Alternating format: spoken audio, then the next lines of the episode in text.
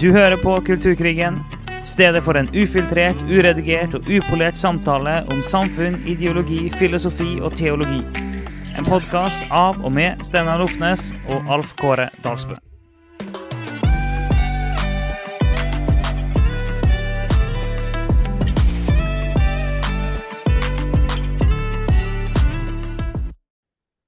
Ok, da skal vi prøve å finne en uh, fornuftig inngang til uh, en sak her. Som uh, vi føler på en måte at vi har snakka mye om. Samtidig så har vi kanskje ikke snakka så mye om det. Men, og, men, det er tydelig at det er likevel nødvendig å snakke om. Og det kommer opp igjen og igjen i ulike drakter. Og da lurer du kanskje på hva i all verden snakker jeg om nå, med mindre når vi i etterkant har vi klart å komme opp med en tittel som forklarer alt. Det vet vi ikke ennå. Ja, det er egentlig det, det, det kjipeste med sånne her eh, titler og sånn i podkaster. Det er det at eh, vi klarer liksom ikke å presentere det ordentlig i starten, fordi at alle har liksom lest hva det handler om. Og de vet mer enn vi vet. Ja. Det er litt sånn underlig, for vi vet jo ikke nøyaktig hvordan denne praten kommer Nei, til å sant. Det, det, det er et godt poeng. For akkurat nå så vet ikke vi hva som er den mest fornuftige tittelen og beskrivelsen. Kanskje, så kan, kanskje kan vi skrive noe som faktisk gir veldig mening. ja, det kan godt være. Og, men uh, vi er litt lei av å snakke om seksualitet. Det er egentlig uh, saken. Uh, vi nevnte jo det når vi var i denne pride-månedtiden. at vi føler vi har måttet berøre så mange ganger de tingene der at, det, at man blir litt sånn matt og sliten av det, egentlig. Mm. Men sant, det går stadige debatter um, på disse tingene her, og det kommer opp igjen og igjen. Og det er vel bare noe med at uh, siden det kommer opp hele tiden, så er det viktig at vi kontinuerlig kommenterer og hjelper folk å navigere i det. Um, og kanskje det som er nytt denne gangen Vi snakker altså om uh, debatten rundt dette nye undervisningsopplegget om seksualitet. En bedre historie. Uh, som uh, ja, Nordmisjonen og Misjonssambandet, Indremisjonsforbundet, Tro og Medier, Laget og Ungdom i oppdrag har uh, gitt ut og lansert. Det har jo da fått en del kritikk, spesielt ifra Kari Weiteberg, biskop i Oslo. Og så selv om det er en gammel debatt, og vi kommer stadig inn på det, så er det verdt å merke seg at retorikken er blitt mer aggressiv. Mm. Eh, og, og, det var kanskje det som overrasket litt grann i de tingene vi har sett Kari Weiteberg uttale. Eh, at det har vært både mer aggressivt og mer eksplisitt enn det vi kanskje har opplevd før fra en biskop. Ja, helt, helt klart. Det er vi, På en måte så forventer vi det, kan du si. Det er jo den veien det har gått, gått i Den norske kirke lenge, så det er ikke overraskende sånn sett. Samtidig så er det litt overraskende likevel. Og, det, og i tillegg til uh, ting som Kara Kari Weidberg har sagt, så har jo Skeivt kristent nettverk og vært ute i vårt land med to artikler eller noe sånt. Uh, og det er jo for så vidt ganske forutsigbart der òg hva det er de, kommer til å, å, si. Og ikke noe overraskende egentlig i det hele tatt. Men, men ja, det er, det er en debatt som har kommet opp igjen. Og hvis du ikke vet hva det her undervisningsopplegget er for noe, så kan du gå til nettsida deres, som rett og slett heter bare identitet og seksualitet.no i ett ord. Så, så, finner du det. Og det, det, er et godt opplegg. Jeg har titta litt på det. Og det er også, vi kjenner jo vi kjenner folkene som står bak, og det er gode, solide folk. Så vi, vi har ingen problem med å si at folk gjerne må gå dit og lære seg mer. Men det har blitt litt styr, da, i, i vårt land. Ja, og vi må jo si jo det at det er kjempebra at det stadig blir laget sånne opplegg. Så, så, utrolig bra at folk er på ballen, for det er aktuelt. Det er veldig aktuelt når vi skal disipulere eh, og undervise ungdommer eh, og folk i, i kristne sammenhenger. Så veldig bra at uh, de er i det opplegget. Alexis Lund, som òg er kollega av min kone i Tro og Medier, har jo uh, vokst fram de siste årene til å være en virkelig, virkelig tydelig stemme. Jeg så han uh, var på Dagsnytt 18 og ble så imponert over måten han fremstår. Ikke bare smart og modig, men med utrolig mye varme. Um, så og podkasten hans er bedre historie og er fantastisk å gå inn i Vi tar mye av ideologi og sånne ting som det, og prinsippene, men jeg syns han er utrolig god til å gå inn på, måte, på den menneskelige siden, og erfaringene og historiene til folk. Så vi anbefaler dette veldig. Um, og så må vi kommentere litt, da. Uh, og prøve å imøtegå litt, litt, av disse tankene. Hjelpe folk å tenke kristent. Mm. Ja, det er det liksom vi holder på med i denne podkasten. Ja. Um, Espen Ottosen har jo òg vært ute i debatt. Han og Kari Weiteberg, biskop, var jo på Dagsnytt 18 òg. Eh, og uh, debatterte disse tingene, og det har vært uh, ja, mange flere forskjellige folk som har skrevet og debattert i avisene om dette. Så det er jo ikke noe Når vi kommenterer nå, så er det ikke sånn at vi er veldig tidlig ute med det, men, men det er mer det at uh, vi skal gå litt mer gjennom kanskje Skeivt kristent nettverks siste ting, for der har det ikke foreløpig kommet noe, noe, svar. Men vi vil bare ta det opp for å snakke om det. Ja, og vi får se da om vi Vi har jo hatt Espen Ottesen på før for å snakke om litt andre ting, men Eh, vi får se, Det kunne vært aktuelt å høre eh, om han ville komme tilbake for å snakke spesifikt om denne typen debatter. Det får vi se på. Og Samme Alexis Lund. og det, det, er jo på tide at vi får han inn for å snakke om det her. Så, ja, det, så hvis, du, hvis du, nei, vi, vi, skal jo selvfølgelig ta kontakt direkte, men Hvis dere hører på Om du hører det, Alexis, så, så er du herved invitert. det, er, kommer vel en melding òg. Ja, ja. um, nei, men skal vi, skal vi begynne med det det som Kari Weiteberg eh, skrev som reaksjon på, på dette opplegget. Uh, overskriften var jo heftig og juicy, og mer eksplisitt enn vi har opplevd før fra en biskop. Det skal riktignok sies at overskriften kanskje er satt av desken, da. Det må vi alltid ha i mente. Det er klart. Men ja, den, den lyktes i alle fall Der lyktes desken i alle fall å få oppmerksomheten, for der står det på nynorsk 'Tru på kjærleikens Gud' ikke på Bibelen. Eh, og, og, det at en biskop eksplisitt sier eh, 'ikke tro på Bibelen', er jo selvfølgelig er jo ganske heftig. Og eh, mer direkte enn vi har opplevd før. Så ja, hva skal vi si om det, Alf? Ja, altså, det er jo viktig at når vi skal kommentere ting som andre folk har skrevet, at vi, vi skal ikke falle for fristelsen å drive på med noe latterliggjøring. Vi skal ikke falle for fristelsen til å sette opp en stråmann Eh, for å så eh, enkelt slå den ned. Det er, en, det er jo en type, både en type debatt og en type samtale, og ikke minst et, eh, en type refleksjon vi ikke ønsker. Det, du krever et veldig lavt refleksjonsnivå å bare sette opp en stråmann som du kan slå ned. Og hvis, den, hvis, noen er usikker på hva stråmann er, du kan alltids google det, men det er basically at du framstiller argumentet til motparten på en veldig svak måte, sånn at det er en stråmann som bare kan blåses over ende med et enkelt argument. Og da er, så har du her uttrykket 'stålmann' istedenfor. At du setter opp eh, motpartens argument så bra som bare mulig, og deretter tar du tak i det. Og det er jo mer den linja vi ønsker å legge oss på, uten at vi liksom, vier hele episoden til å gå i gang med hennes argument. Det gjør vi ikke. Det her er litt mer, sånn, litt mer eh, overordna samtale om det. Men vi begynner å berøre det, i alle fall. Ja, og eh, jeg tenker det kan være greit å snakke om det som en viktig ting for, for kristne. Vi skal Jesus sier at uh, et ja skal være et ja, et nei skal være et nei. Vi skal være sann i vår tale. Vi skal ikke gi falskt vitnesbyrd eller lyge. Eh, og da tenker jeg at det òg er viktig at vi fremstiller motpartens argumenter på en redelig måte. At det er en del av det. Mm. Eh, at vi, vi fremstiller det så godt som mulig, sånn at de sjøl kunne kjent seg igjen i det. Ja, for det er akkurat det. det, er akkurat at, vi, at, vi, argumenterer mot det de faktisk mener og faktisk sier, ikke mot på en måte en slags eh, altfor stor forenkling. Forenkling må vi jo gjøre, men, men å, å, tillegge folk ting som de ikke faktisk har sagt eller mener og sånne ting. Det må vi prøve å holde oss unna. Ja, vi må det. Det, det, jeg har lest mye debattinnlegg både når det gjelder sånne her type ting og andre ting. og Det som gjentar seg hele tida, er at eh, noen skriver en ting, og så kommer det et svar, og så kommer det et motsvar. Og i det motsvaret så beskriver, den opprinnelige kronikkforfatteren noe, noe sånt som at eh, personen kan ikke lese, eller personen eh, har åpenbart ikke lest nøye nok, fordi at jeg sa jo det og det, og jeg skrev jo det og det.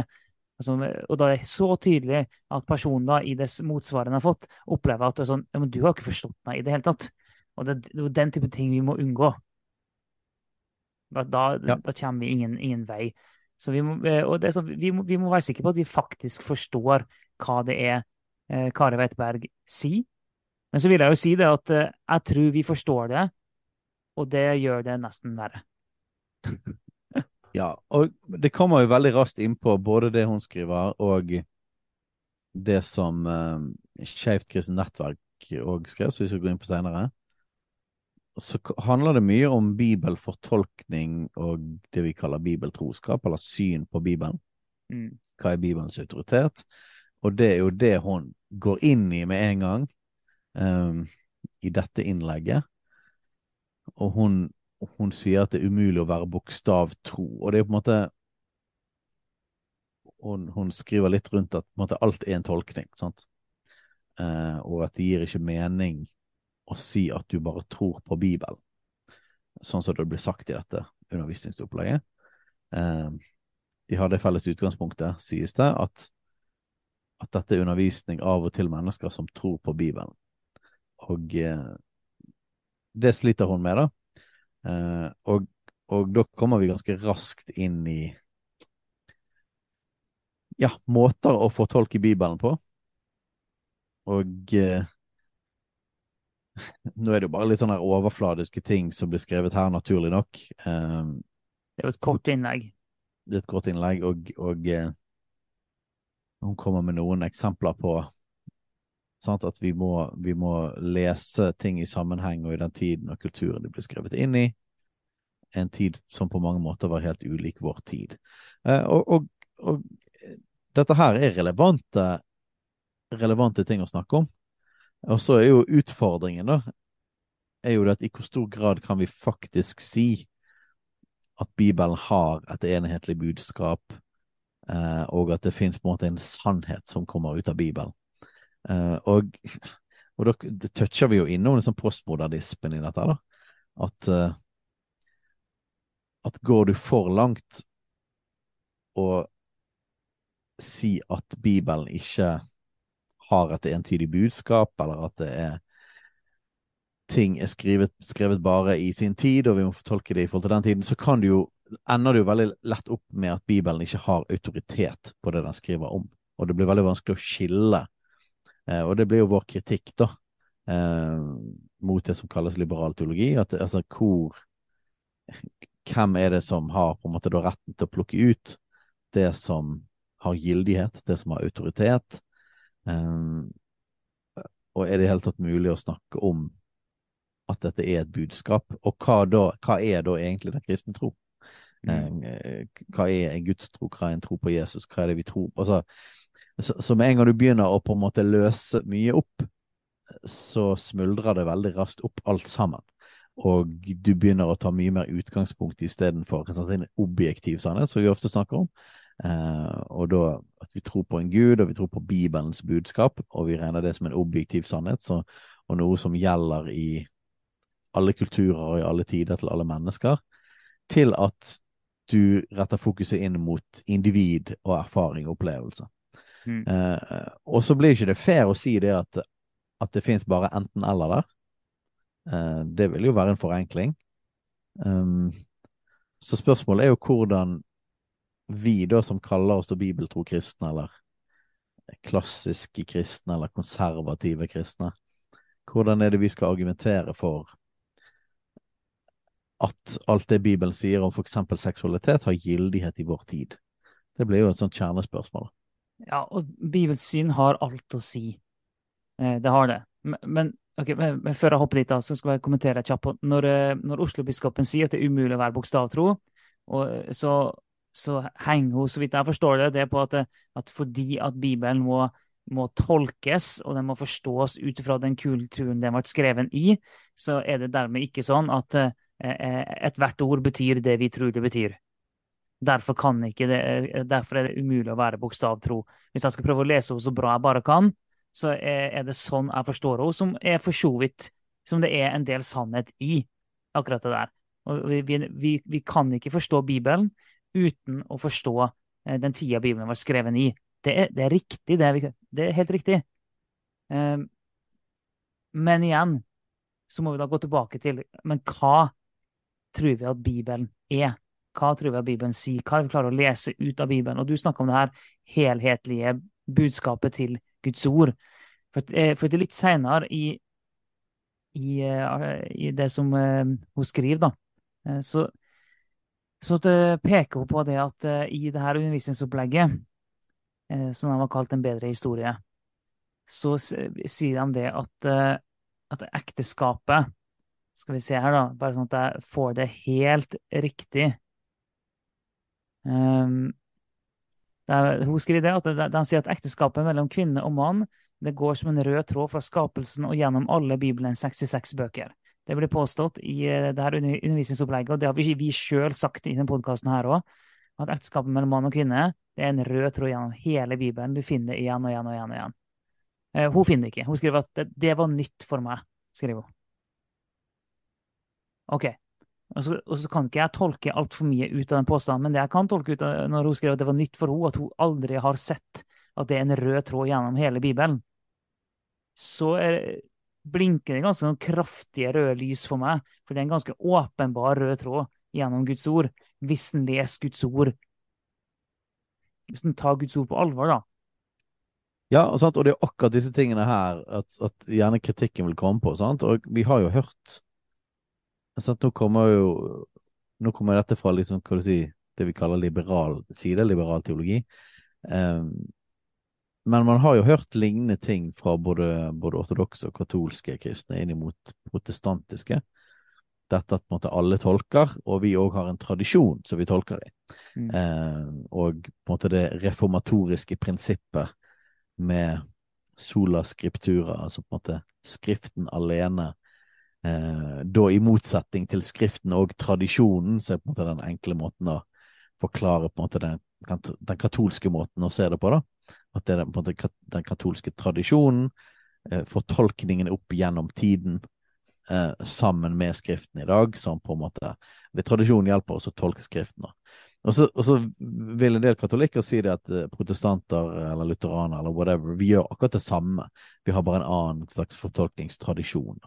Og Da kommer vi inn i noe av de samme, samme tingene, da. Og i hvor stor grad er det riktig å si at nei, vi tror på Skriften alene. Og, og, da vil jeg bare komme med et statement der. Vi kan snakke mye rundt og fram og tilbake og argumentere for eller mot. Men, men vi kan jo si, og jeg tror vi, vi kan snakke for på en måte evangeliske, konservative kristne eh, i det, og si at det er en del av vår tro. er faktisk ikke bare at vi tror på Bibelen, men vi tror at Bibelen er faktisk tydelig i sitt budskap. Altså, vi, mm. vi tror at Bibelen har en rød tråd. Vi tror at, at, om du leser Skriften, så vil det bli åpenbart tydelighet. Andre vil si det, sant? og det er òg et postmoderne argument. Det sier at alt kan tolkes på alle mulige slags måter. Det finnes jo uendelig variasjon av tolkninger. Um, mens det er nok en del av vår tro, en sånn kjerne i vår tro, at det er ikke mulig å bare tolke Bibelen på alle mulige måter, men at Eh, at Skriften har en iboende logikk eh, og bygger på seg sjøl og henger sammen. Eh, og har et ganske tydelig budskap.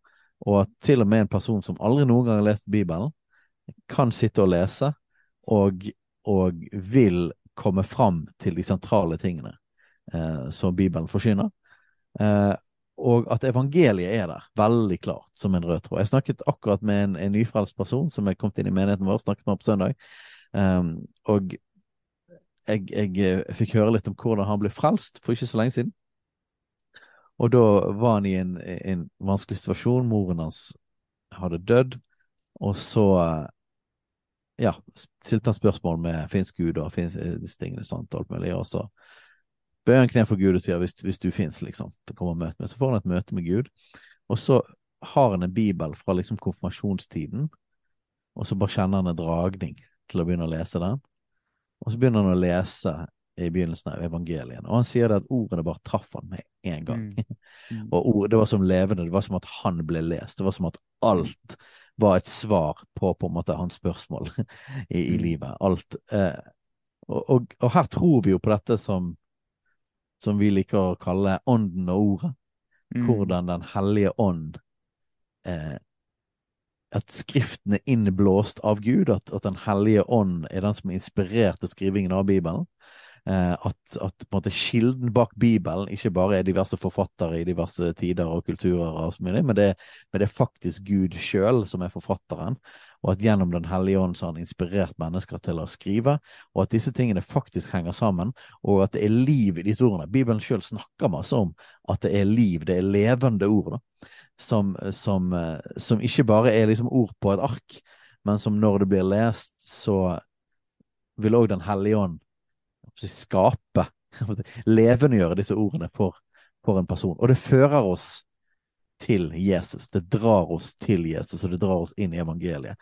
Eh, så, det, så, når vi snakker om konservativt bibelsyn, så er det på en måte mer enn bare en slags å finne arg intellektuelle argumenter for, for eh, hvorfor det er riktig å tolke Bibelen sånn som vi tolker Bibelen. Det er på en måte en del, en, Jeg vil heller si at det er en kjernesannhet i vår tro. At vi mm. tror det at Bibelen er levende og aktuell i dag, inn, innblåst av Gud, og at Gud snakker gjennom den, og at Bibelen faktisk har et sentralt budskap som, som, Bibelen, som Bibelen sjøl drar oss inn i, eh, og, og, som Den hellige ånd åpenbarer når vi leser det. Eh, så alle sånne tanker, på en måte, alle sånne teorier om at som vil på en måte dekonstruere det, da, og, og, og si det at på en måte det finnes så mange tolkninger at du basically ikke kan snakke om at Bibelen sier noe som helst. Eh, det, det, vil vi avvise, for det, for det, det bryter rett og slett imot det vi vil kalle en kristen tro. Det, det, får meg til å tenke på at det er en form for eh, sovjetisk propaganda. det.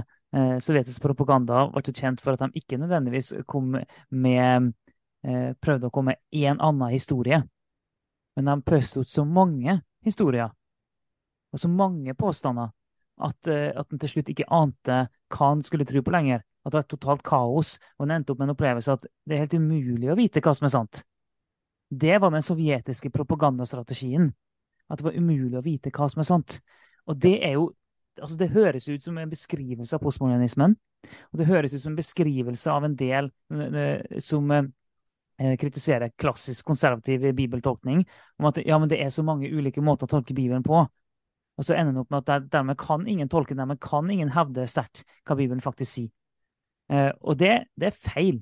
Det vil vi helt og klart tydelig avvise. Bibelen er fullt mulig å tolke, og du kan heller ikke tolke den på uendelig mange ulike måter. Det kan du faktisk ikke. Og så kan vi gå dypere inn i bibeltolkning for så vidt. Men jeg har bare lyst til å si en ting, for eh, du nevnte det her med at eh, hver bok i Skriften er innblåst av Gud.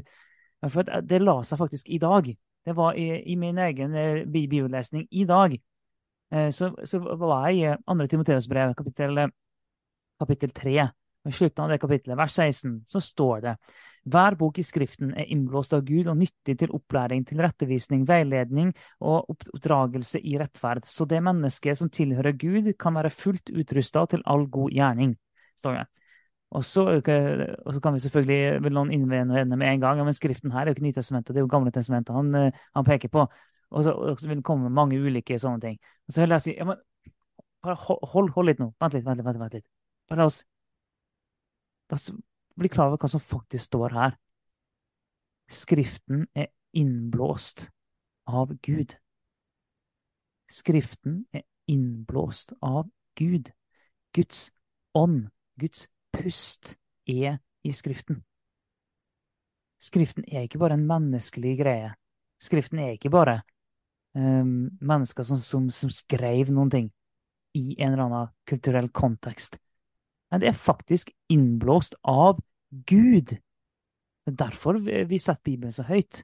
Det er derfor vi velger å innrette våre liv etter det som står i den boka. Fordi det er Gud sjøl som står bak. Og Det er så avgjørende her, hva, hva bibelsynet har. Og det er hvis en skal gjøre veldig sånn raskt og forenkla på en måte som er enkelt å forstå, men som selvfølgelig har flere nyanser, så kan en dele opp bibelsynet i tre.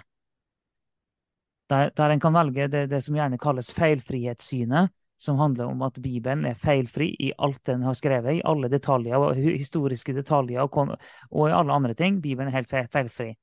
Ganske mange kristne som har den uh, bibeltolkninga. Og så har du den bibeltolkninga som gjerne kan kalles intensjonssynet, Eh, og der Poenget er at eh, Bibelen kan ta feil i detaljer. sånn Var det 100 000 i det slaget, eller var det 90 000?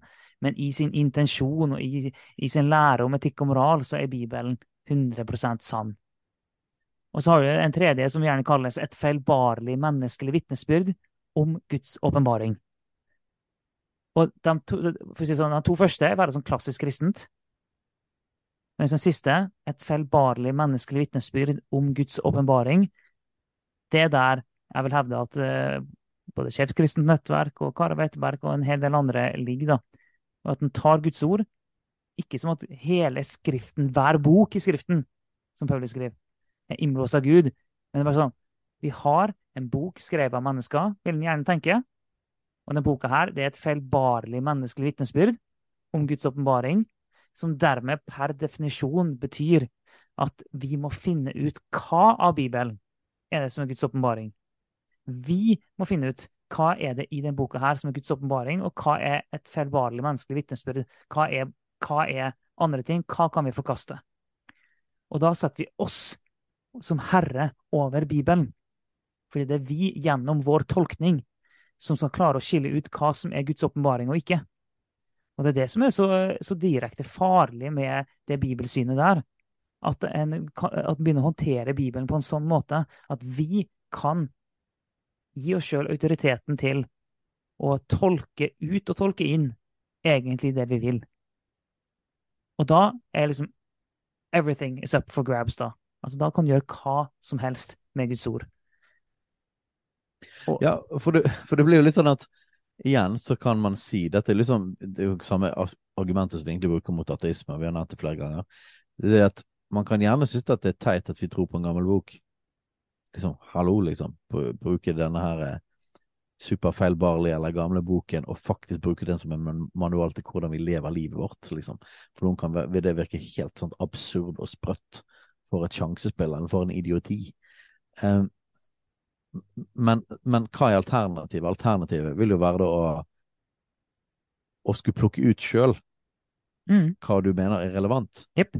Um, og det ender jo i Skal du følge det, skal du være konsekvent i det, så, så blir jo alt en subjektiv ting.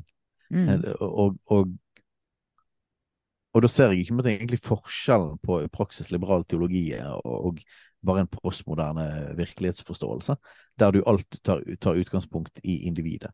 Der, du, der, det jeg opplever, det jeg føler, det jeg mener er rett, det er det som er rett. Og så vil ethvert individ bygge sin egen tro, sin egen si, moralkodeks og sånne ting.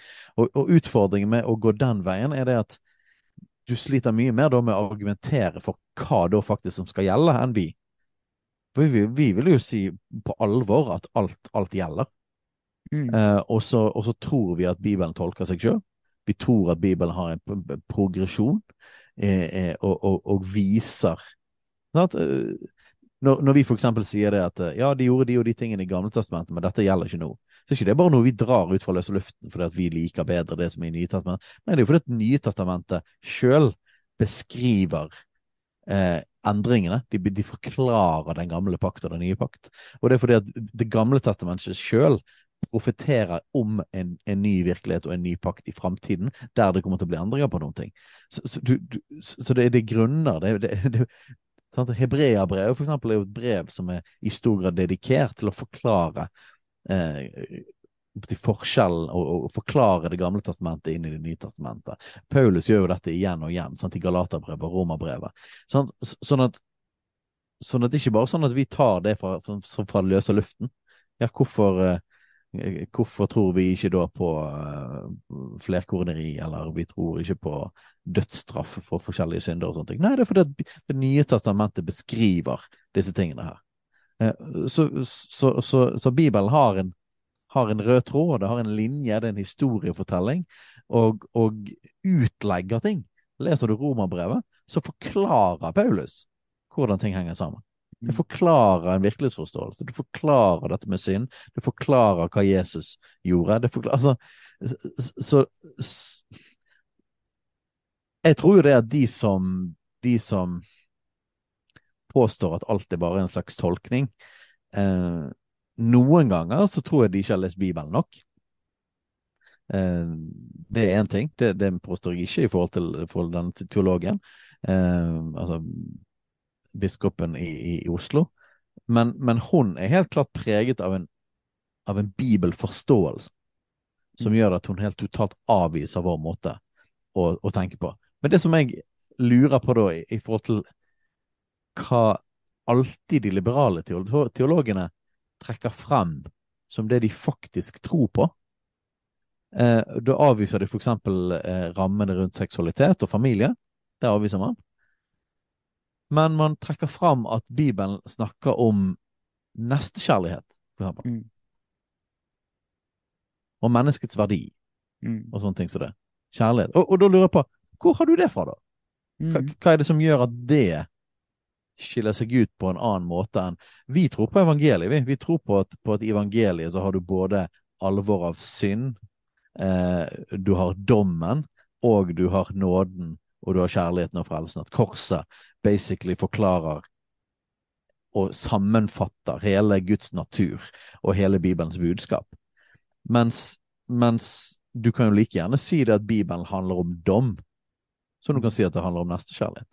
Mm. Du kan finne minst like mange, mange bibelord som dom som du kan finne om nestekjærlighet. Vi har en grunn til at vi, vi sier at nei, korset er sentrum, og det forklarer alle disse tingene. Og det er Bibelen sjøl peker på korset. Både, både, fremover og bakover. Mens, mens, når du skal bare trekke ut noen ting, så blir det bare sånn herre Hvordan i all verden kan du argumentere for at dette er Bibelens kjernebudskap, og det gjelder, men ikke de andre tingene gjelder? Mm. Eh, når du egentlig tar utgangspunkt i din egen personlige erfaring.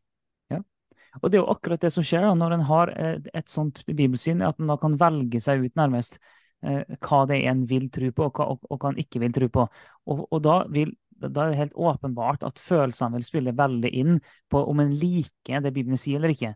Hvis en ikke liker det, så kan en bare over tid klare å bygge en, en, en, en slags teologisk, intellektuell eh, bro for å komme til den konklusjonen en vil. Eh, en kan det hvis en bare bygger nok og en ikke tenker at Bibelen er Guds ord. Og, men jeg må, jeg må, si det, at jeg, vil faktisk si det her så tydelig som jeg skal si det nå, at til nå så vil jeg si at i 100 av tilfellene der jeg har kommet borti mennesker som har det her bibelsynet her, at det, det, det, Bibelen er ikke Guds ord, det er Guds ord i Bibelen, og vi må finne ut hva det er. 100 av dem jeg har vært borti, som har den måten å forstå Bibelen på, går bare i mer og mer liberal retning. Jeg har aldri sett noe annet. Jeg sier ikke at det ikke finnes. Kom gjerne med andre eksempler. Jeg sier bare at det, jeg har aldri sett det. Jeg har kun sett én retning i menneskets liv som har den typen bibelforståelse. Og det er veldig påfallende at det alltid rammene rundt familie og seksualitet som er noen av de første tingene man ja, det, vil bryte. hvorfor skal man liksom alltid angripe den tingen, da? Altså, Så fundamentalt skal liksom alltid gå etter det. det er, og, mens vi tror jo på at Bibelen både setter rammer og handler om kjærlighet. Og så, og så, tror vi at kjærligheten er mye mer enn de gode følelsene. Kjærligheten er jo rammene. Vi har snakka om det tusen ganger i podkasten her. Men vi tror jo på hele pakken. Og vi tror på at kjærlighet og dom hører sammen, tror vi på. Vi tror mm. at du, at du får ikke det ene uten det andre. For det, Bibelen løfter opp alt sammen. Og, sånn, ja, nettopp. Og hvorfor tror vi på det? Bibelen beskriver ja, det. Ja, Sånn det er for Bibelen beskriver det. Og, og, det er så avgjørende i, for å forstå Bibelen at du tør å, å, å ta det Bibelens ord på alvor sjøl der det virker som at Bibelen eh, stanger mot hverandre med ulike typer sannheter. For det er når du tør å ta på alvor fullt ut sannheten om Guds kjærlighet og sannheten om Guds dom. Det er da du får kraften, det er da du får sannheten. Men med en gang du begynner å, å plukke ut og velge seg ut og begynne å forme en gud i sitt eget bilde. Og Kara Weitberg sa vel noe sånt som at, at hun tror på, på, hun tror på kjærlighetens gud. Og så er det sånn, nei, men hva? Bibelens gud, det er vår gud. Og eh, når du tar summen av på en måte forståelsen av disse tingene, det hun beskriver, eh, og, og, det på en måte folk i si den samme som kommer til de samme konklusjonene, eh, det de står for, så vil jeg si at eh, det er en annen religion.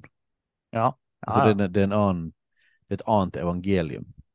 Så kan man mene at det, det, er det riktige, og de kan ha sine argumenter for det. det. Det er greit. Men alt det vi baserer det vi holder på med, er jo at, at, at, vi tror på det Bibelen sier på alle områder. At det gjelder for oss i dag. Mm. Det er det vi har handlet på i våre egne liv. Så det er ikke bare sånn her, en teoretisk tro.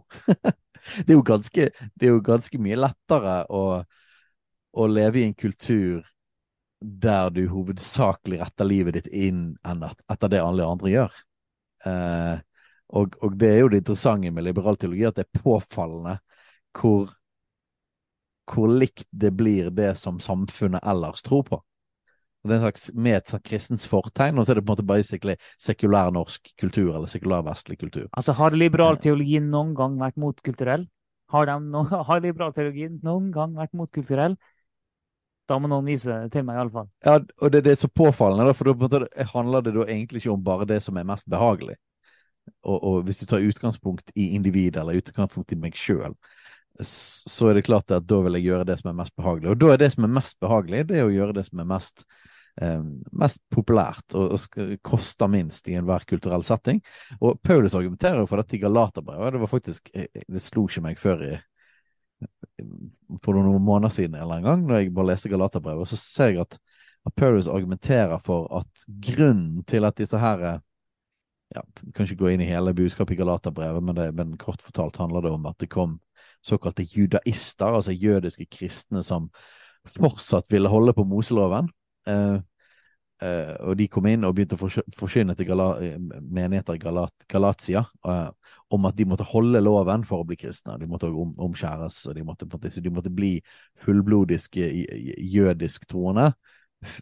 Og, og, så på en måte er det på en måte Jesus på toppen av det. da. Mens, og, og, hele Galaterbrevet er et oppgjør mot denne læreren. Og Det som er så interessant, er det at Paulus gjentatte ganger sier at grunnen til at de forsyner dette, her, det er fordi at de ikke vil bli forfulgt. Eh, og de vil ikke rett og slett betale prisen. Eh, det var å, å forkynne noe upopulært. På, på, I den konteksten, i jødisk kontekst, så var det upopulært å forkynne at du faktisk ikke måtte holde loven for å bli frelst, men at du ble frelst ved troen alene. Eh, og motivasjonen var rett og slett å bli likt av mennesker. Mm. Gjøre mennesker til lags. Ikke ville bli forfulgt. Dette sier Paulus igjen og igjen. Uh, så, så, jeg syns det er så påfallende da, når, når, når du kommer med en, en, en teologi eller en, en, forståelse som tar utgangspunkt i det som er populært i kulturen, mens vi på den andre side tror det at evangeliet er noe som ja, det er sant og rett i alle tider, eh, i alle kulturer. Og så vil det være forskjellige sider av evangeliet som være støtende i forskjellige kulturer.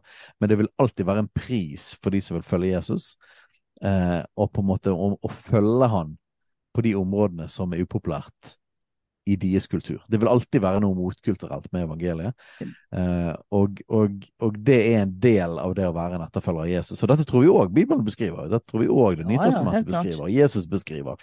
Eh, og, og, og, for oss er det litt sånn her Hvorfor er dette her så Altså, dette krasjer sånn imot hele pakken av hva vi tror på. Vi har, vi har giftet oss av dette. Vi har ikke giftet oss av kulturelle grunner. Vi har giftet oss fordi at Bibelen sier det. Uh, vi, får, vi, får, barn basert på, på uh, Altså, vår siste sønn er fordi at, vi, fordi at vi opplevde at Gud viste oss at barn er en velsignelse. Vi trenger å få flere barn. Vi, det vi holder på med Jeg har akkurat vært på bibelskole og undervist i dag. Alt jeg underviser, er basert på at hele Bibelen er sannhet. Det er jobben min. Liksom, jeg har, jeg har, hvis, ikke, hvis ikke hele Bibelen er sann, og har ett felles budskap. Men du vet ikke hva jeg har, har i hele livet mitt. Altså, vi har basert alt vi gjør på det. Vi baserer økonomien vår på det. Vi, vi, vi, vi når ut med evangeliet fordi vi tror at det er sant. At det er en himmel og det, og, og det er en fortapelse. Vi tror det at folk trenger å høre evangeliet, så vi handler på det.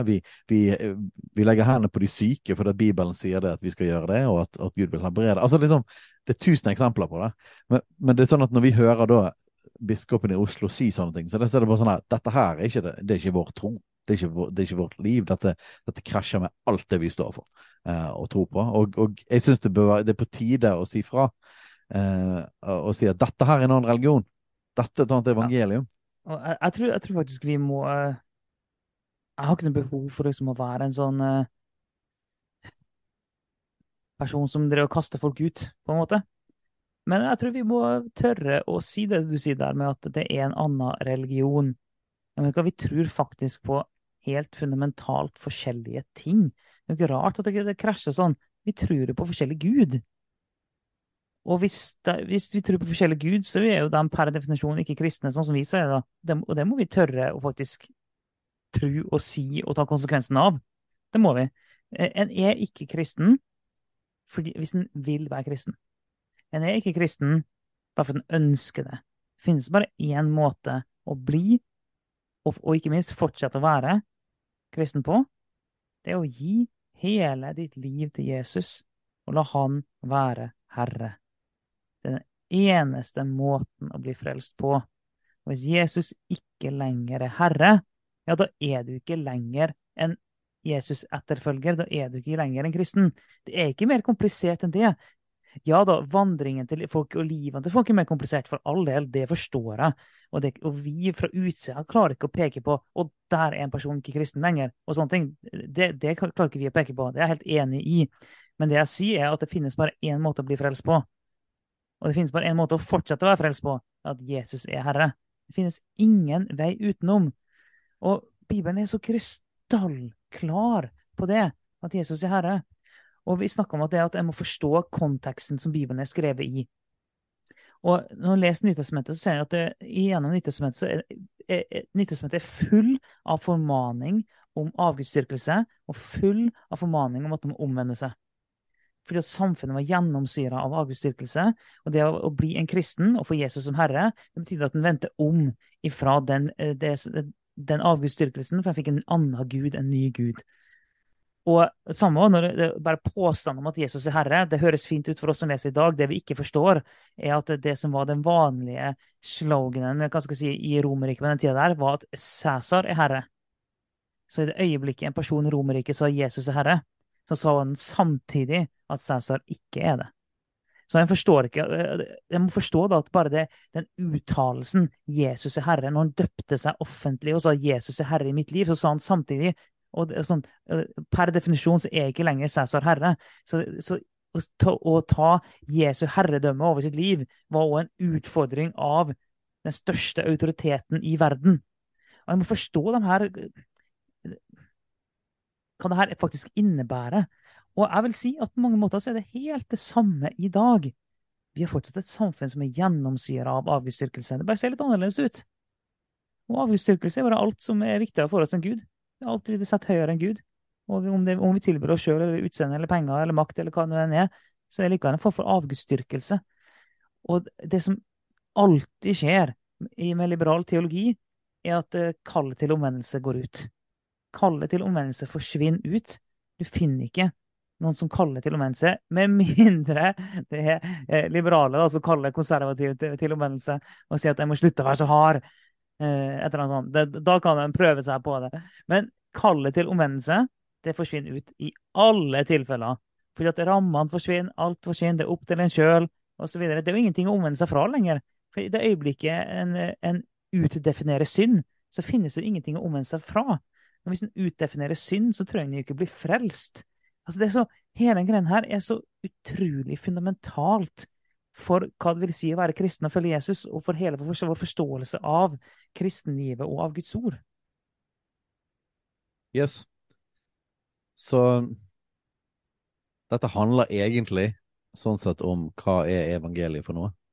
Eh, og, og, troen på, på Guds ord, at, at, at, det er noe vi kan At Bibelen faktisk er Guds ord, og det er Guds ord til oss i dag, og at det er en en fortelling som faktisk gir mening, og tolker seg sjøl, eh, og er innblåst av Gud, ja, det er en sentral del av det å være en kristen.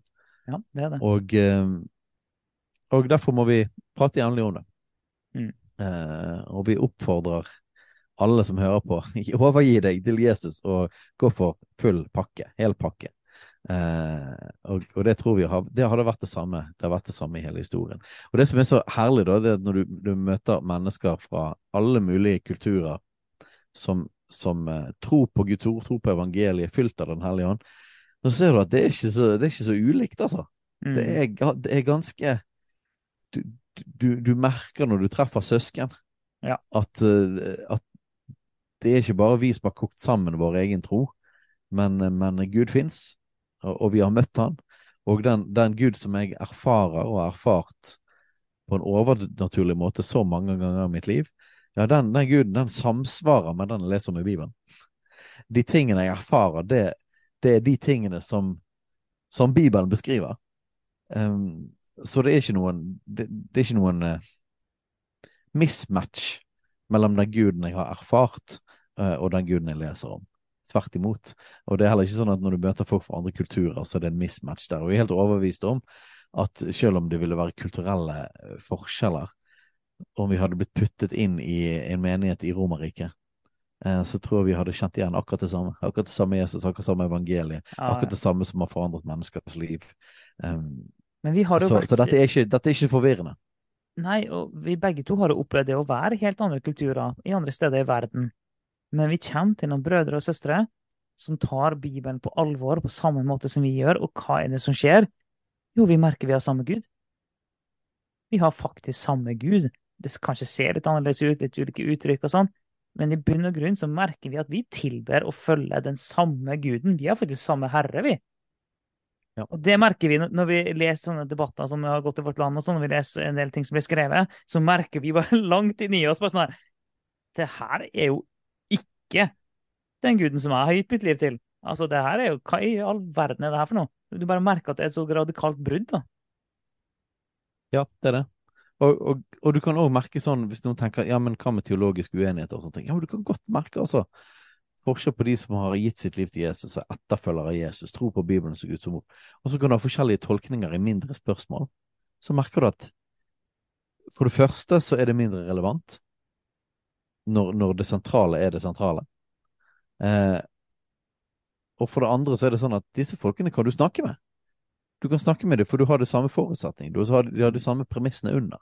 Ja. Nemlig at Gud fins, Gud lever, Guds ord er levende, Guds ord er sant. Eh, og da kan du gå til Guds ord sammen. Og så kan man være uenige om mindre ting, men, men, i forståelsen av hva er Guds ord, og hva er evangeliet, eh, det er helt essensielt for å kunne kalle det det kristendom. Mm. Um, og la oss hoppe litt videre fra Oslo-biskopen til uh, dette som Skeivt kristent nettverk skrev.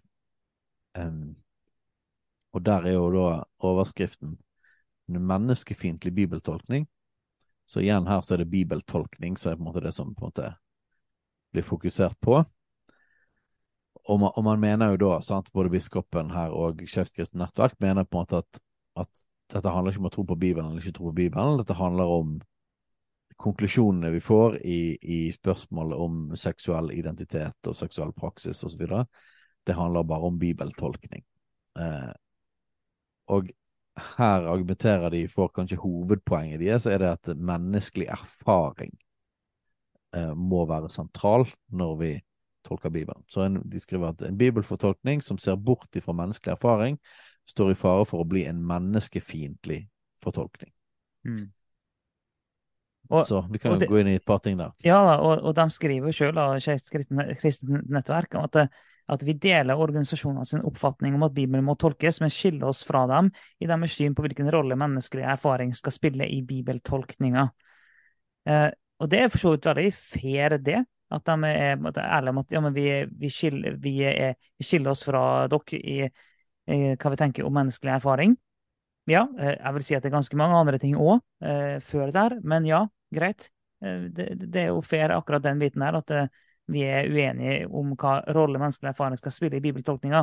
Men så, før vi går inn i sånne type ting, da, så må vi bare alltid huske på det som vi har sagt til det uendelige her i podkasten. At vi må alltid se på premissene som ligger under. For premissene som ligger under, fører alltid til en bestemt konklusjon. Så før en i hele tatt ser på argumentene til folk, så må en finne ut av hva er premissene som ligger under. For premissene leder allerede til en konklusjon. Så ved å akseptere premiss, så, så, så har du egentlig allerede om du ikke vet engang, så har, du, eh, så har du allerede begynt å tvinge deg sjøl mot en spesifikk konklusjon. Og Sånn er det også når vi sier at Bibelen er Guds ord. Ja, men Det, det er akkurat samme. Det, det, det, gjelder det samme for oss. Med premissene vi legger for hva Bibelen er for noe, så fører det oss til en konklusjon. Ja. Og De skriver at eh, sant, de advarer mot dette undervisningsopplegget. Eh, fordi de mener det devaluerer skeives erfaringer og liv, og bedriver dobbeltkommunikasjon og formidler en betinget kjærlighet. Um, så jeg syns jo det er litt sånn interessant, for det har jo, det har jo vært lenge sånn at forskjellige typer liberale kristne, eller for så vidt eh, organisasjoner som, som, FRI eller Rosa kompetanse, eller forskjellige andre ting, har kommet ut med ting som de ønsker å undervise og innføre, enten i skole eller i forskjellige menigheter. Og så kommer Rikka konservative kristne ut og advarer mot det. Det måte, har vært mest, som oftest det som har vært dynamikken. Så Derfor er det interessant nå å merke hvordan eh, Oslo-biskopen kommer ut og advarer mot opplegget og sier at dette kan han ikke anbefale inn i Den norske kirke. Mm. Uh, og her ser vi det samme altså Skeivt kristent nettverk gjør, at de, de føler som at det er behov for å gå ut og advare mot dette opplegget. Uh, og Jeg vet ikke hva det betyr, men det, det virker som at vi er kommet i en, i en tid der der kanskje denne måten å tenke på som Skeivt kristent nettverk eh, og Oslo-biskopen er blitt såpass dominerende Eh, og har fått såpass si, fotfeste i, i, både det norske samfunnet og i den norske kristne kulturen at, at uh, de kan på en måte gå enda mer frimodig ut enn før. da. Mm. Mm. Uh, og, og, nesten sånn, For når du går ut og advarer, så er det på en måte nesten du som tenker det at vi er majoriteten, og, og uh, vi må advare mot denne her skumle lille gruppen som prøver å komme med konservativ kristendom. Mm. Altså, litt sånn interessante sånn psykologiske eh, annerledes mekanismer enn vi har sett før. Um, men så snakker jo de om, videre om dette her kan, kan Skriften forklare Skriften, og, eh, og hva syn skal menneskelig erfaring spille i bibeltolkningen. Um, og igjen så syns jeg jo det at det er det er postmoderne argumenter som kommer fram her. Mm. Um, det er lived experience med opp imot objektiv sannhet. Um, så det er interessant å se på en måte hva slags tankeunivers hva slags utgangspunkt og Skeivt kristent nettverk har. Um, mens klassisk konservativ kristenhet har tatt utgangspunkt i Bibelen som en objektiv sannhet, så løfter de opp den menneskelige erfaringen, den subjektive erfaringen. Um, og vi tror jo det at, kan, at vi, man kan oppleve utrolig masse forskjellig, og man kan oppleve også ting som er eh, vanskelig og utfordrende, og man kan oppleve ting som, som man synes er utfordrende inn i møtet med Guds ord. Men det er jo helt avgjørende for vår bibelforståelse og vår forståelse av kristen tro at det er ikke min menneskelige erfaring jeg tar mm. utgangspunkt i. Jeg tar utgangspunkt i hva Skriften sier. og Dette er på en måte et slags et gammelt og klassisk tolkningsprinsipp. da. Mm. Eh, og hvis du skal snu det andre veien, så er jo utfordringen igjen at hva i all verden er det du står igjen med, da? Eh, for, for, det fører jo til at alle de tingene som jeg syns er ubehagelig, det jeg syns er vanskelig, da vil min erfaring måtte være det som veier tyngst. Og da har du i prinsippet ingenting annet igjen i Bibelen enn det som allerede passer med meg. Mm. Og det, er, det, her, det får meg til å, til å, tenke på en sånn en, en litt sånn eh, eh komplisert sak som gjerne kalles eh, vestlianske, vestlianske kvadri, kvadrilaterare. Det er en sånn eh, En kan søke det opp, men det handler om at det, det er Skriften og fornuften og tradisjonen og, og erfaringen sammen som leder en til sannheten. For vi avviser ikke menneskelig erfaring. Det gjør vi ikke. Vi er enig i at menneskelig erfaring òg er en innsikt. Vi er enige i at menneskelig erfaring er viktig. Vi er enige i at menneskelig erfaring forteller oss noen ting. Vi er også til og med enige i at vi skal la oss forme til en viss grad da, av menneskelig erfaring. Vi bare mener at menneskelig erfaring står ikke alene, og det står heller ikke over andre ting. Så at når vår menneskelige erfaring ikke stemmer overens med det vi leser i Skriften, eller det ikke stemmer overens med det som har vært tradisjonen, eller det ikke stemmer overens med fornuften, da kan vi ikke la den menneskelige erfaringen få lov til å vinne fram. Så vi avviser ikke menneskelig erfaring. Vi bare sier at vi nekter å la den stå alene og bli herre. Ja, det handler om hvor, hvor liksom i hierarkiet du putter den menneskelige erfaring. Mm. Eh, og, og, jeg tror jeg ville kunne si det sånn at uh, vi verdsetter den menneskelige erfaringen som bekrefter Skriften, høyere enn erfaringen som går på tvers av Skriften. Ja, ja. Og det handler jo om at, at, at, Skriften er høyere oppe som autoritet for oss. Eh, og så på en måte sånn, Nå snakker vi om erfaring som en måte, spesifikt ting. Eh, erfaring kan jo være utrolig mye forskjellig. Men, men, det det ofte handler om i disse tingene, igjen, det er jo seksualitet eh, det er snakk om, og, og eh, Man snakker om skeiv seksualitet. Så den erfaringen vi snakker om her, er jo på en måte et eller annet som da At det skulle være en menneskelig erfaring som tilsier at At det kan ikke være riktig at det er synd å leve si, utenfor mann, kvinne, ekteskap og sex innenfor den rammen. Altså at alt som er utenfor. Det er jo den erfaringen vi i praksis snakker om her, da. Mm. Eh, og, og, at da den erfaringen skal på en måte veie tyngre. Eh, og det er jo det man egentlig argumenterer for. Mm. Menneskers erfaring av at dette er godt, eller at dette er sånn jeg er, skal veie tyngre enn Skriftens ord om at sex er noe som tilhører innenfor rammen av én mann og én kvinne som har gitt seg til hverandre i ekteskap. Mm. Det, det, er sånn en kan eh, vi kan på en måte se på det som, at, som et hus, der vi tenker at uh, Skriften er grunnmuren. Og så du uh, så kan du ha tradisjonen, og du kan ha fornuften. kan du ha som vegger og tak. Mens erfaringen er som et rom inne i huset.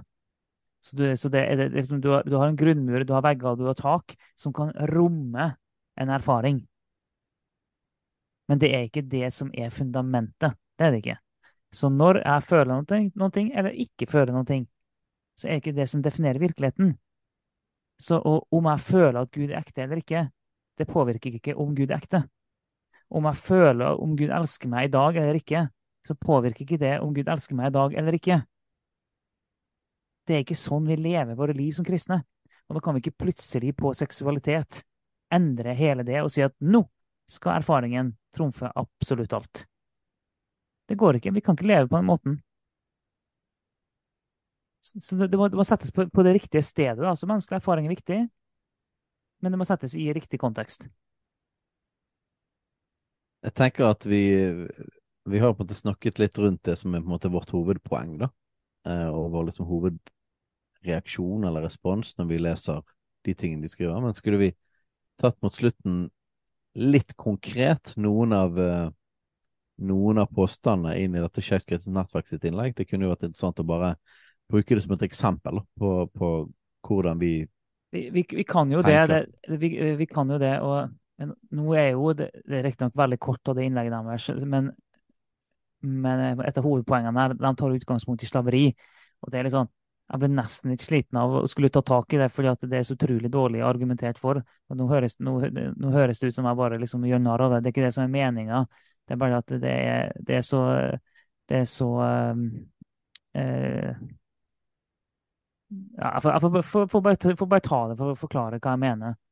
Men de skriver jo det at bibelske forfatterne i sin tid forsvarte slaveriet, skrev for eksempel. Og de eh, bruker det som et eksempel, da. Um, de bruker det som et eksempel at det finnes andre ting som vi da tror på, og da underforstått på en måte konservative kristne òg tror på, som de mener ikke kommer fra Bibelen, mm. men det kommer fra erfaring. Mm. Det kommer fra, fra må ta utgangspunkt ikke i Bibelen, men må ta utgangspunkt i på en måte den menneskelige erfaring, og bruker da slaveri som et eksempel på dette. Ja, for den, den skriver jo rett fram. Det var nettopp menneskelige erfaringer med slaveriet som førte til at kristne til slutt konkluderte med at slaveriet var i strid med læren om at alle mennesker er skapt i Guds bilde. Ok, uh, det, ikke, det, var ikke den menneskelige erfaringen som, førte, som, gjorde det. Det var jo, det, det var jo mye mer det Guds åpenbaring om menneskelig verdi, men greit nok. Og jeg skriver videre litt senere da, sånn at, at, Eh, slaveriet er ikke Guds gode ordning og ikke en del av Guds ord til oss i vår egen tid, selv om de bibelske forfatterne i sin tid forsvarte slaveriet. Og De bruker det som en kontrast eller sammenligning da, med det dagen i dag. Du kan bare bytte ut slaveriet med skeive eller homofile, eller et eller annet sånt. Så kan du si at uh, forbudet mot homofili uh, det, det, ja, Forbudet det hørtes ut som jeg snakka om loven. men jeg snakker om at påstanden om at homofili er synd, er ikke Guds gode ordning og ikke en del av Guds ord eh, til oss i vår egen tid, sjøl om de bibelske forfatterne i sin tid forsvarte at homofili var synd. Det er jo den argumentasjonen han kommer med. Mm. Men det at, sånn at men det, påstanden om at de bibelske forfatterne i sin tid forsvarte slaveriet, det er jo direkte feil. Det er, det, er, det er, som å si at det bare fordi at slaveriet blir nevnt i Bibelen, så betyr det at de omfavner det. Men hvis en leser hva som faktisk blir skrevet Vi har vært litt inne på det i en tidligere episode, men, men sånn, hva er det Bibelen sier? Jo, Bibelen sier at slavene ikke skal gjøre opprør, og at de, ikke, eh, at de skal jobbe godt, være lydige. Sånn, det sier Bibelen. Ok, Hvordan skal vi forstå det? Skal vi forstå det som at Bibelen forsvarer slaveriet? Eller skal vi lese Bibelen litt dypere og finne ut hva Bibelen egentlig peker på her? Ja, og, og, da, og da, da, da, forsøkte jeg å spille ballen over til deg. Fordi at, ja. Eh, for at vi, vi, vi, rakk å få fem minutter før vi starta episoden, her, og jeg syns du hadde et veldig godt poeng når du sa at dette er en marxistisk lesning av Bibelen. Ja, fordi vi tror at det er noe som heter skaperordningen, og, og vi tar utgangspunkt i på en måte at det Gud skapte fra starten av, det er hans vilje, og det ble bekreftet gjennom Bibelen. Eh, og mange ganger så blir det bekreftet av Jesus personlig. Eh, for eksempel sånne ting som at Gud har skapt mann og kvinne. Det gjentar Jesus. Gud har skapt mann og kvinne.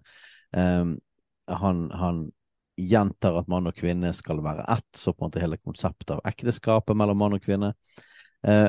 Og han snakker om eh, hor, altså det vil si seksuell aktivitet utenfor rammen av ekteskapet, snakker Jesus om som synd. Eh, så da, da bekrefter Jesus skaperordningen. Eh, mens dette at eh, En del av skaperordningen er jo dette at Gud skapte mennesket i sitt bilde. Og dette er også bekreftet gjennom hele Bibelen. Det er fundamentet for det at mennesket har en ukrenkelig verdi. Mann og kvinne har en ukrenkelig verdi. Eh, videre når man snakker om at her er det ikke jøde eller greker, Eh, her er det ikke mann eller kvinne, vi har sitert dette før. Vi er alle til Kristus.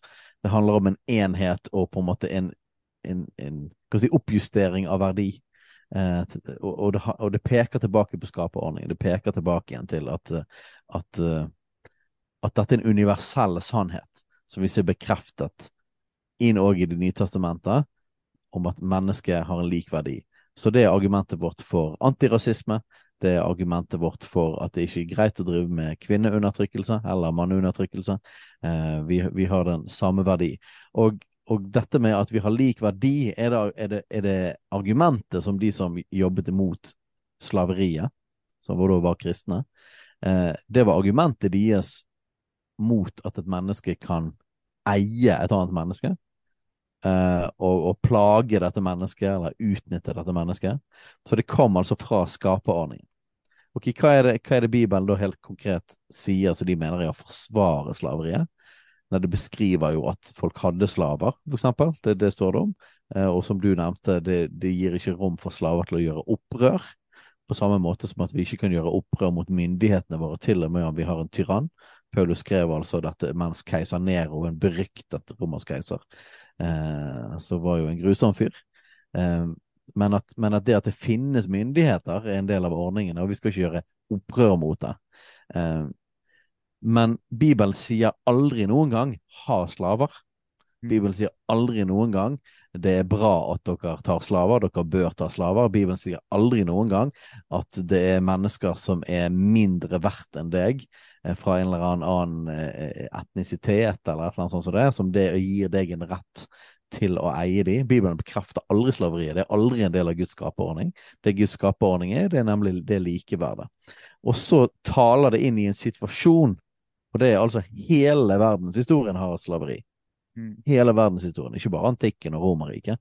absolutt alle steder.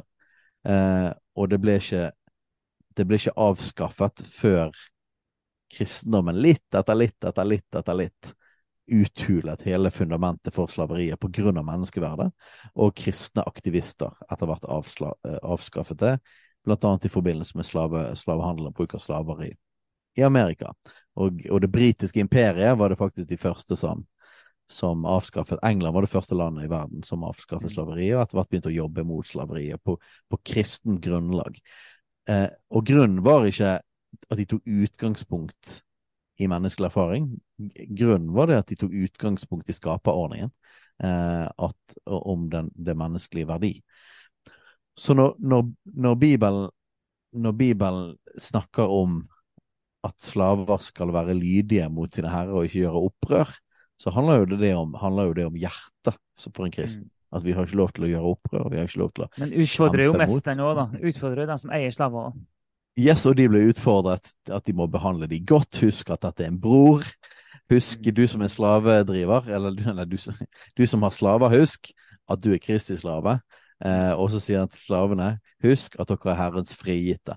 Så det, og de snakker om at det er en bror. Så, så Bibelen utfordrer kraftig hvordan, hvordan behandle slaver. Paulus har jo et brev òg eh, til Filemon. Mm der han, der han forsvarer en slave og sterkt eh, formaner og utfordrer til at han bør slippe han fri. Eh, og, og, han snakker om som, han som en bror. Så, så Bibelen løfter jo opp det nytelsesmessige, løfter jo opp verdien eh, til slaver basert ja. på menneskeverdet. Så, og det for så vidt, Nå sa jeg ingenting av det, du, det jeg nevnte på, på forhånd, om det med marxistisk tenkning. At, at når Skeivt kristent nettverk skriver dette, så tar jo de utgangspunkt i en annen forståelse. Nå snakket jeg ut ifra en forståelse av eh, skaperordning. Det er den kristne forståelsen. Eh, og en forståelse av å ikke gjøre opprør når noen er autoritet over deg. Til og med når, når, du er under et negativt regime, skal du ikke gjøre opprør. Det er det Bibelen snakker om i forhold til, i forhold til slaveri. Eh, mens når de tar utgangspunkt i at ja, grunnen til at, til at man, man eh, kristne etter hvert gikk imot slaveriet, var det at de opplevde at dette var undertrykkende, eller dette, at de tok utgangspunkt i slavens erfaring. Det var liksom nøkkelen. På tross av Bibelen, eller mot Bibelen. Så vil jeg si at det er jo ikke en kristen tanke. Det jeg beskrev, er en kristen tanke. Mm. Skaperordningen og, og hvordan forholde seg i forhold til autoritet. Og i det systemet du er i. Det er en kristen, en kristen måte å tenke på. Deres utgangspunkt er jo et marxistisk tanke.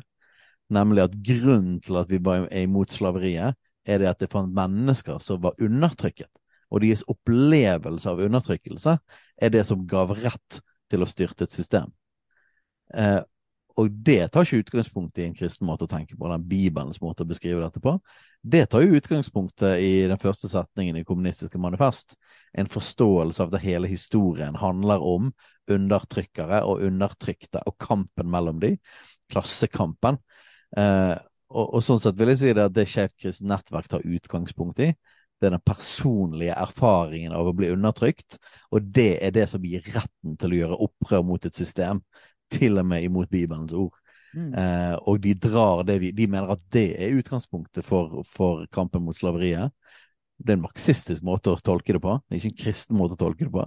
Vi tar utgangspunkt i skaperordningen og verdi. Um, og det blir kjempet mot med demokrat, på demokratisk måte, på en fredelig måte. Ikke blodig revolusjon. Mens når Skeivt kristent nettverk snakker, så, så, ser du helt klart at her er, det en, her er det en marxistisk måte å tenke på. At, at, alt dreier seg om om noen opplever seg undertrykt, personlig opplever seg undertrykt, og det gir rett til på en måte et slags opprør eller, eller gå imot noe. Og de drar da det videre da, til Eh, at det vil òg gjelde da såkalte seksuelle minoriteter. Mm. Eh, at på en måte deres opplevelse av undertrykkelse, deres personlige erfaring av undertrykkelse, er det som gir retten til å på en måte gå imot systemet, da. Eller, eller gå imot Bibelen. Um, så dette var bare et eksempel på hvordan tolker en kristen, uh, eller hvordan tolke ut fra som vi har vært borti nå, både en postmoderne måte å tenke på, og her en marxistisk måte å tenke på. Uh, som jeg vil mene at er, utgangspunktet både Oslo-biskopen og Skeivt kristent nettverk. Det er den vinkelen de kommer fra. Det er de premissene de kommer inn med og tolker Ja. ting fra. Og det er klart, som vi har sagt, hvis du kjøper de premissene, ja, da leder det til en konklusjon. Så vi kan ikke kjøpe de premissene. Og, um, og, men i Skeivt kristent nettverk sin, eh, eh, sitt, eh, si, sitt lille skriv, så kjenner fram en ting der som òg får meg til å tenke på når Kari Weiteberg skriver at det var nytt for henne at det er en rød tråd gjennom hele Bibelen, ekteskap mellom mann og kvinne. Når hun skriver at det var nytt for henne, så jeg vil ikke være så arrogant som å si at jeg kan Bibelen bedre enn hun og sånn. Eh, Hun er en en teolog som har lest masse. Samtidig så er det helt, helt ufattelig for meg at det går an å si at det er nytt for deg, hvis du faktisk på ordentlig har lest Bibelen på nytt og på nytt, eh, og vært i bønn mens du har lest, og så kan du klare å si at det er nytt for deg, at det, at at det- ekteskap mellom mann og kvinne er en rød tråd gjennom Bibelen. Det er for meg helt, helt umulig å forstå at det går an. Men og så leser vi skrivet da til Skeivt Kristens nettverk, så skriver de at Det nye og Det gamle testamentet med all tydelighet går inn for slaveriet. Og det er en helt vill setning. At både Det gamle og Det nye testamentet med all tydelighet går inn for slaveriet. Og da er det sånn, Hvis du leser Bibelen, og det er det du leser er, sånn, da, det er jo ikke Bibelen du har lest. Det er sånn, hva, hva i all verden har du lest? Det er sånn, jeg, får lyst til å spørre Kara Wetberg, hva i all verden er det du har lest når du aldri har sett den røde tråden? Jeg får lyst til å spørre Skjevt kristennettverk hva i all verden er det dere har lest? Når dere sier at både Det gamle testamentet og Det nye testamentet med all tydelighet går inn for slaveriet. Det gjør jo faktisk ikke det. Altså, det er direkte feil. Og, og, og både basert på det vi har sagt nå, men vi kan fortsatt snakke i lange tider om hva Bibelen egentlig sier. Så med en gang du ser den røde tråden, med en gang du ser budskapet, det helhetlige budskapet til Bibelen, og du ser ting i lys av evangeliet og korset, når du gjør det, da begynner du å se at dette er et helhetlig budskap. Og jeg vil jo sammenligne altså avskaffelsen av slaveriet jeg vil sammenligne det med D-dagen. Hvis du kan litt krigshistorie, så vet du at D-dagen skal vi se, var det 6. juni? Var det? 6. juni 1944, et eller annet sånt. Da klarte de lete å komme seg i land på stranda i Normandie i Frankrike. Krigen var ikke over i juni 1944, selv om de kom seg i land da. Det tok nesten et år før de spiste seg innover og til slutt vant over, over Tyskland i andre verdenskrig. Men mange vil peke på den dagen der det var da krigen snudde. Det var da krigen vant. Ble vunnet da han klarte å komme seg inn der. Jeg vil sammenligne som at eh, slaveriet tapte når kristendommen kom på banen. Det var D-dagen for slaveriet. Fra den dagen av, som du sa i stad, så ble slaveriet uthula. Fundamentet for slaveriet ble gradvis uthula. Jo mer det kristne fundamentet kom på plass, jo mer Jesus fikk jobbe med hjertene til folk, jo mer ble fundamentet for slaveriet uthula og forsvant. Så slaveriet tapte den dagen Jesus kom på banen, kan du si. Mm. Gradvis mer og mer. Det er den riktige måten å forstå det på. Og så må jeg si en siste ting om det, den riktige måten å forstå slaveriet på. Det er sant at du i Bibelen ikke finner en, en oppfordring til avskaff slaveriet i dag. Det er Mm. sant. Og heller ikke en oppfordring til avskaff slaveriet neste uke. Det er sant. Det står det ikke i Bibelen. Så når vi, men vi sier at Bibelen ikke er krystallklar på det, men det er riktig at det står ikke en sånn type oppfordring. Og her er det N.T. Wright, en engelsk teolog, som har lært meg en del om akkurat det her med å forstå det med slaveriet. Så det er bare å lese ting han har skrevet, en solid teolog som har lært meg konteksten på den tida her. Han sammenligna slaveriet med energi, drivstoff, i dag. En, slaveriet var energien som samfunnet gikk på. Så å si at slaveriet må avskaffes i dag, det er det samme som at du skulle si til dagens samfunn ta vekk alt drivstoff, ta vekk all energi. Hva skjer? Samfunnet ville totalt kollapsa umiddelbart hvis den hadde gjort det. Det er jo bare en teoretisk tankeøvelse som er umulig, naturligvis, men likevel. Hvis vi prøver å se for oss. Samfunnet hadde kollapsa, og vi hadde fått noe mye verre istedenfor. Og så ser vi opp gjennom hele Bibelens historie at Gud jobba ikke på den måten. Gud, Gud jobber med, med menneskene, med hjertene, gradvis. Gud driver ikke med en, med en, revolusjon på den måten. Total samfunnsforvandling på, på en uke. Gud gjør det faktisk gradvis. Det er en grunn til at det går så utrolig mange år fra, fra syndefallet til Jesus kommer, og så utrolig mange år fra Jesus kom til han kom, kommer tilbake. Hvorfor i all verden gjør Gud det på den måten? Hvorfor kan det ikke gå fortere? Ja, men Hvis du ser den røde tråden, ser helheten, så ser du at Gud gjør det sakte. Det, det er Og som Gud gjør det, og det er jo et gjennomgående ting, eh, et budskap for oss i denne podkasten, er det at Gud jobber med hjerter. Mm. eh, og forandrer mennesker fra innsiden, og så får det konsekvenser i systemene. Mm. Og, og nok en gang, her eh, må vi bare pirke litt på marxismen igjen, det gjør vi jo stadig vekk. Um, men i marxismen så er det hele tiden et fokus på systemer, at på en måte problemet kommer fra systemet.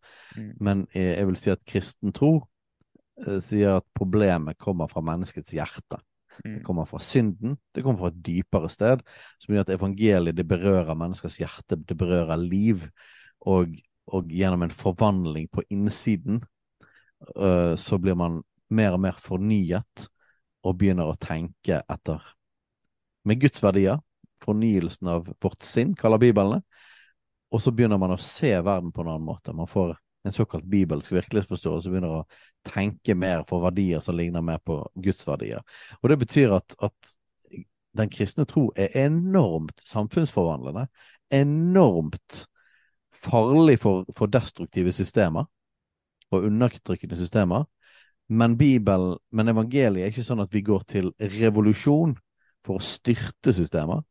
Eh, vi, vi kan heller ikke bruke eh, jeg si, lidelse som unnskyldning for å påføre andre lidelser. Mm. Og, og, og det er jo det revolusjonen gjør alltid. Eh, man styrter systemet. Man på en måte Fordi at man er blitt undertrykt og opplevd lidelse, så gir man seg sjøl en rett til å behandle andre, de som har gjort noe dårlig.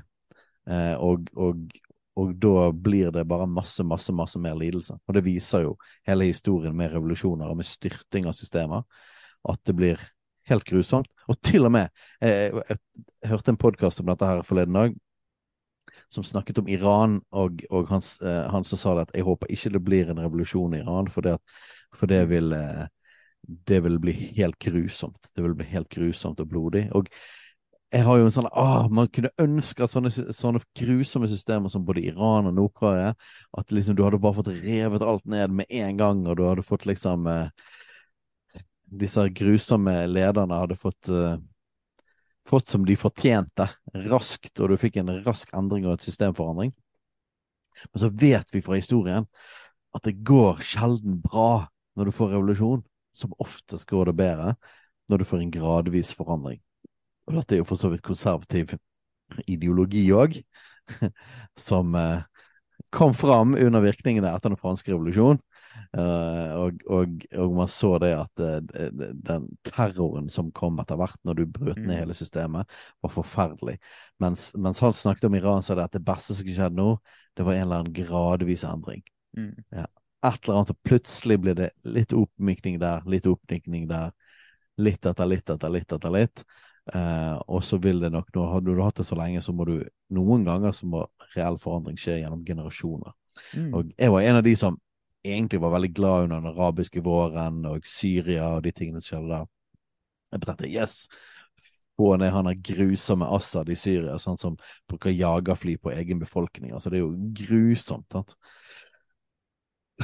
Men så er jo, nå vant jo Assad for så vidt, med støtte fra Iran og, og, og, eh, og Russland, og jeg var vel en av de som egentlig ønsket at Nato skulle gå inn og, og liksom, sant? Men så husker jeg den samme fyren sa det at se hvordan det gikk i Syria. Han sa det at jeg, med en gang folk begynte å protestere mot, mot Assad, så sa jeg dette er ikke måten å gjøre det på. Ikke gå til krig. Ikke, det, det, borgerkrigen kommer til å bli verre enn å leve under, Mm.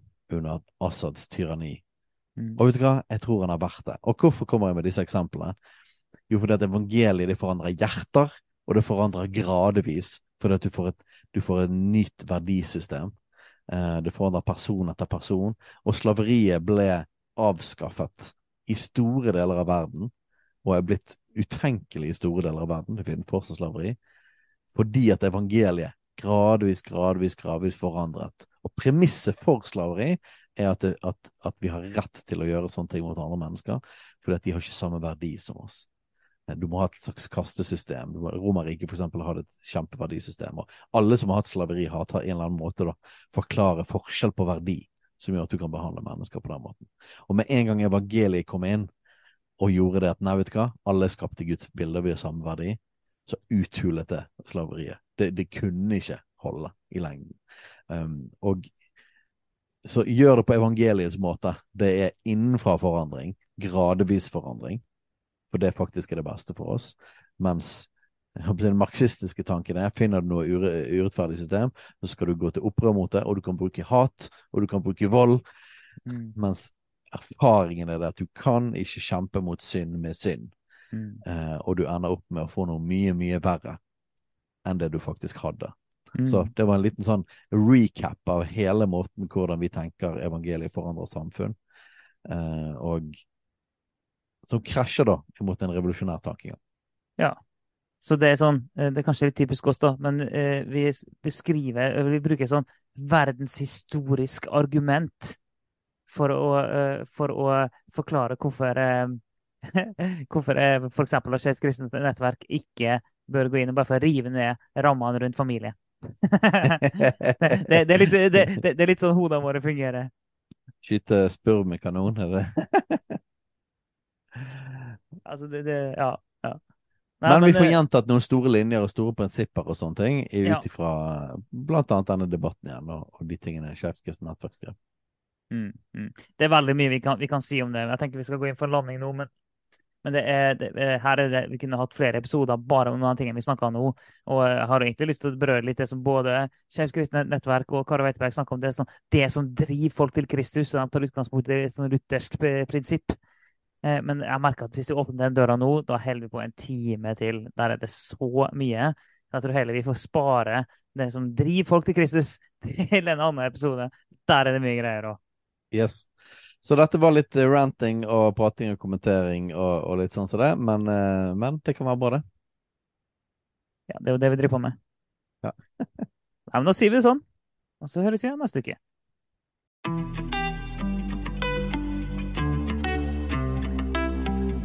Takk for at du lytter på Kulturkrigen. Om du har tilbakemeldinger, spørsmål, hva som helst egentlig, send inn til postalfakrøllkulturkrigen.no eller på sosiale medier.